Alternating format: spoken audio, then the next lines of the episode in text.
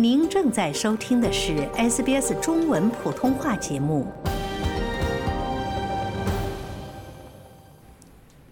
尽管极端天气频繁发生，但随着生活成本危机的加剧，超过四分之一的澳大利亚人没有购买房屋或财务保险，这让他们在面对自然灾害时可能面临巨额的经济损失。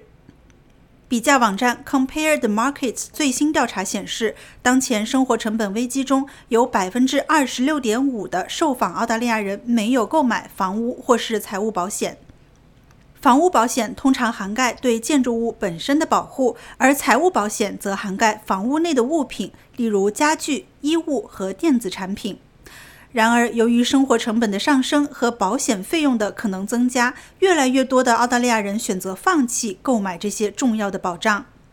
Compare the Market 财产保险执行总经理泰勒表示，2024年的保费很可能会上涨，这将使房屋保险费更加昂贵。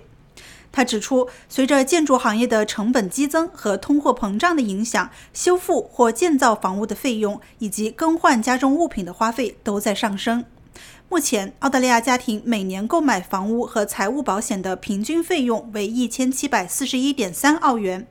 然而，这个数字因地而异。如果房屋所在地区有洪水或者犯罪的风险，费用还会增加。此外，随着保费的上涨，这一数字还可能进一步增加。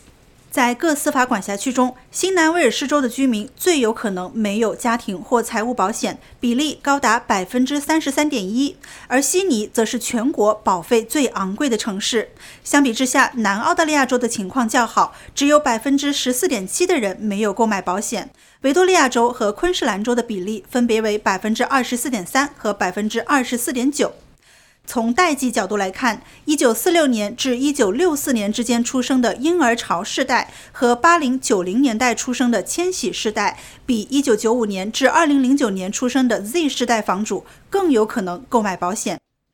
不到一半的 Z 世代澳大利亚人拥有房屋或财务保险，比例仅为百分之四十一点五，而婴儿潮世代的保险比例为百分之八十五点一，千禧世代则为百分之七十一点五。泰勒说：“年轻一代可能刚刚离家独立，还没有意识到天灾可能带来的巨大损失。但如果你要搬离父母家或搬到一个新的地区，一定要做好调查工作。”此外，泰勒还表示，对于 Z 世代的购房者来说，买房的可能性更小了。根据澳大利亚统计局2022年的报告，25至39岁之间拥有自有房屋的可能性，随着世代更迭不断降低。千禧一代在同一年龄段拥有没有抵押贷款的自有房屋的可能性是婴儿潮一代的三分之一。在2023年，澳大利亚的平均房价为92.01万澳元，而平均收入为9万0896澳元。这意味着普通的澳大利亚人需要支付高达他们年收入十倍的价格，才能购入一套没有抵押贷款的房屋。喜欢、分享、评论。欢迎您在 Facebook 上关注 SBS 普通话页面。